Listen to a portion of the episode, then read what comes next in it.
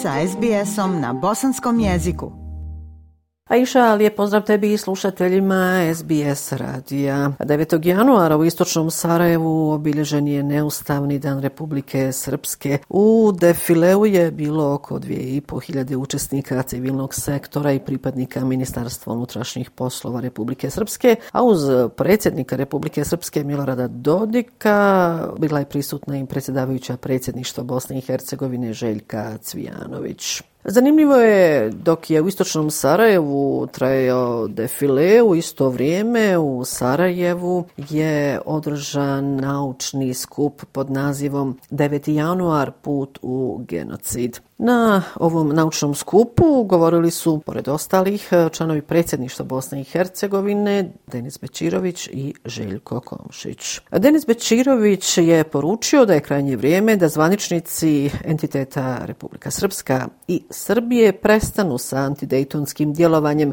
kao i sa nemoralnom i anticivilizacijskom politikom negiranja sudski i naučno dokazanog genocida nad bošnjacima. Podsjetio je da najviši pravni akt Bosne i Hercegovine nije 1992. godine propisivao nikakvo pravo na samo opredjeljenje etničkim zajednicama u Bosni i Hercegovini. Poslušajte člana predsjedništva Bosne i Hercegovine Denisa Bečirovića. Moramo biti oprezni. Genocid je ponovljiv. Ideologija, politika, mediji i drugi činioci koji su doveli do genocida nad bošnjacima još uvijek su aktivni i opasni. Prijetnja od novog genocida nije otklonjena. U interesu mira i sigurne budućnosti sudske presude ne smiju biti arhivirane i zaboravljene. A iša, kako sam rekla, na ovom skupu govorio je i član predsjedništva Bosne i Hercegovine Željko Komšić, koji je pored ostalog poručio da od stranaca ne treba očekivati da će zaustaviti Milorada Dodika. Evo riječi i člana predsjedništva Bosne i Hercegovine Željka Komšića. Nikada neće biti realizirani ciljevi iz deklaracije od 9 januara, po kojoj je dio Bosne i Hercegovine trebao biti priključen Srbiji. Tog 9. januara šest boračkih udruženja u Sarajevu je podnijelo krivičnu prijavu u tužiteljstvu Bosne i Hercegovine zbog obilježavanja, kako su rekli, 9. januara neustavnog dana Republike Srpske. Oni su podnijeli krivičnu prijavu protiv entiteta Republika Srpska, grada Istočno Sarajevo i Banje Luke, predsjednika Republike Srpske Milorada Dodika, premijera Republike Srpske Radovana Viškovića, članice predsjedništva Bosne i Hercegovine Željke Cvijanović, gradonačelnika istočnog Sarajeva Ljubiše Ćosića i gradonačelnika Banje Luke Draška Stanivukovića. Ovdje su bile brojne domaće reakcije na obilježavanje neustavnog dana Republike Srpske, ali i na još jednu činjenicu, a to je da je predsjednik Republike Srpske Milorad Dodik na svečanoj akademiji u Banjoj Luci odlikovao predsjednika Rusije Vladimira Putina. Glasnogovornik visokog predstavnika Evropske unije Petar Stano je komentarisao prvo obilježavanje neustavnog dana Republike Srpske i kao što rekoh dodjelu odlikovanja ruskom predsjedniku Vladimiru Putinu. U Evropskoj uniji nema mjesta odlikovanju i nagrađivanju političara koji nalažu uništavanje susjedne države i ubijanje njenog naroda. Ova odluka Republike Srpske je užasna i pogrešna. Riječi su glasnogovornika visokog predstavnika Evropske unije Petera Stana. Dodik vrlo dobro zna očekivanja Evropske unije, njenih država članica i zna dobro šta Bosna i Hercegovina i njeni političari trebaju uraditi na evropskom putu, kazao je Stano. Pisanim saopćenjem se oglasila i ambasada Sjedinjenih američkih država u Bosni i Hercegovini. Odluka Milorada Dodika da odlikuje Vladimira Putina, čovjeka koji je pokrenuo ničim izazvanu invaziju na Ukrajinu, koja je rezultirala smrću hiljada civila i masovnim razaranjem infrastrukture za svaku je osudu. Iz ambasade Sjedinjenih američkih država su istakli da je Dodikova odluka o obilježavanju neustavnog dana Republike Srpske nezakonita. Reagovao je Također pisanim saopćenjem i visoki predstavnik Međunarodne zajednice u Bosni i Hercegovini Kristijan Schmidt. On je poručio da obilježavanje Dana Republike Srpske 9. januara može imati posljedice i da je prisustvo na takvim proslavama nepoštivanje Ustava Bosne i Hercegovine. Visoki predstavnik još jednom naglašava da postupci i aktivnosti vlasti Republike Srpske kojima se obilježava i slavi Dan Republike Srpske 9. januara mogu imati posljedice stoji u saopćenju priopćenju iz Ureda visokog predstavnika Međunarodne zajednice u Bosni i Hercegovini. Šefica diplomatije Republike Slovenije Tanja Fajon boravila je 13. i 14. januara u službenoj posjeti Bosni i Hercegovini. Tom prilikom u Sarajevu se sastala sa ministricom vanjskih poslova Bosne i Hercegovine Biserom Turković. Ministrica vanjskih poslova Slovenije Tanja Fajon je nakon razgovora podsjetila da je na državnim institucijama da odrade svoj dio posla kako bi država što prije išla dalje na svom putu ka Evropskoj uniji. Poslušajte šta je pored ostalog izjavila Tanja Fajon. Povodom dodjele kandidatskog statusa institucije Bosne i Hercegovine morat će urati svoj dio zadatka, ispuniti 14 ključnih prioriteta koje je odredila komisija, a koje će odrediti početak pristupnih pregovora sa Evropskom unijom. Posebno ćete morati raditi na vladavini prava i slobodi medija.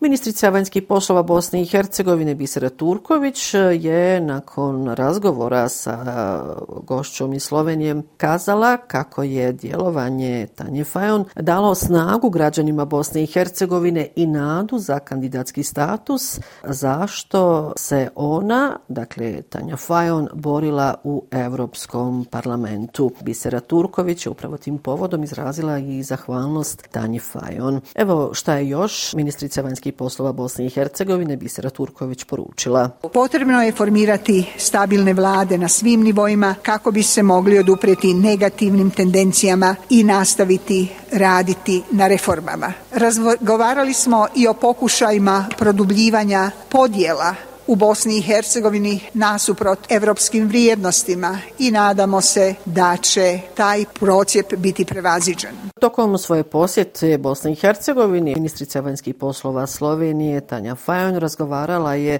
i sa članovima predsjedništva Bosne i Hercegovine, susrela se i sa gradonačelnicom Sarajeva Benjaminom Karić, a ministrici vanjskih poslova Slovenije Tanji Fajon uručeno je priznanje koje nosi ime Adila Zulfikar Pašića za ukupan doprinos promociji Bosne i Hercegovine. Sve je spremno za novu vladu Bosne i Hercegovine, tačnije vijeće ministara. Naime, poznata su sva imena kandidata za novi saziv vijeća ministara Bosne i Hercegovine nakon što je koalicija Osmorke, SNSD-a i HDZ-a dogovorila formiranje nove vlasti na državnom nivou. Kada je u pitanju raspodjela, generalni zaključak je da Dragan Čović ide sa novim imenima. Milorad Dodik sa starim kadrovima, dok kod Osmorke Norke najodgovornije pozicije preuzimaju stranački lideri. E, tako će, kada je Osmorka u pitanju, na čelo vanjskih poslova stati Almedin Konaković, predsjednik Naroda i pravde. Predsjednik naše stranke, Edin Forto, bit će ministar prometa i komunikacija, dok će podpredsjednik SDP-a Zukan Heles biti ministar odbrane. Delegaciju Hrvatske demokratske zajednice predvodi Borjana Krišto kao predsjedavajuća vijeća ministara Bosne i Hercegovine, a kandidati za ministarske pozicije su Dubravka Bošnjak i Davor Bunoza. Bošnjak bi za ministricu civilnih poslova trebala doći sa trenutne pozicije zamjenice direktora Agencije za bankarstvo Federacije Bosne i Hercegovine. Za ministra pravde predložen je dugogodišnji advokat Davor Bunoza. Iz kvote iz Republike Srpske Zoran Geltija, dosadašnji predsjedavajući vijeća ministara, kandidovan je za ministra financija. Staša Košarac trebao bi ostati na poziciji ministra vanjske trgovine i ekonomskih odnosa, dok bi lider DNS-a Nenad Nešić trebao biti ministar sigurnosti Bosne i Hercegovine. Nakon što su se pojavile kontraverze u vezi sa prijedlogom o imenovanju Denisa Šulića za ministra, stranke Osmorke i SNSD-a uspjeli su dogovoriti četvrtog ministra, a on će biti Sevlid Hurtić iz pokreta za državu, koji bi trebao obnašati poziciju ministra za ljudska prava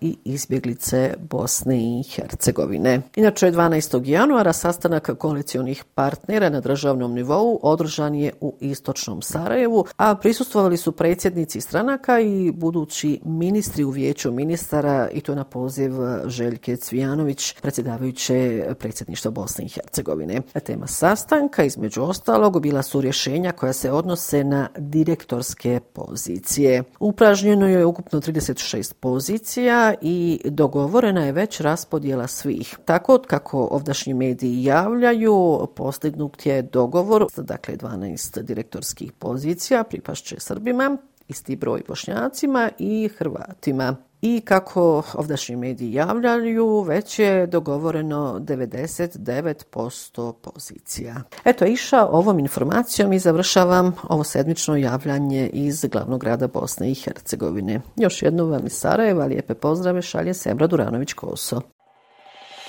SBS na bosanskom. Podijelite naše priče preko Facebooka. Želite poslušati još ovakvih priča? Slušajte preko Apple podcasta, Google podcasta, Spotify ili kako god da primate svoje podcastove.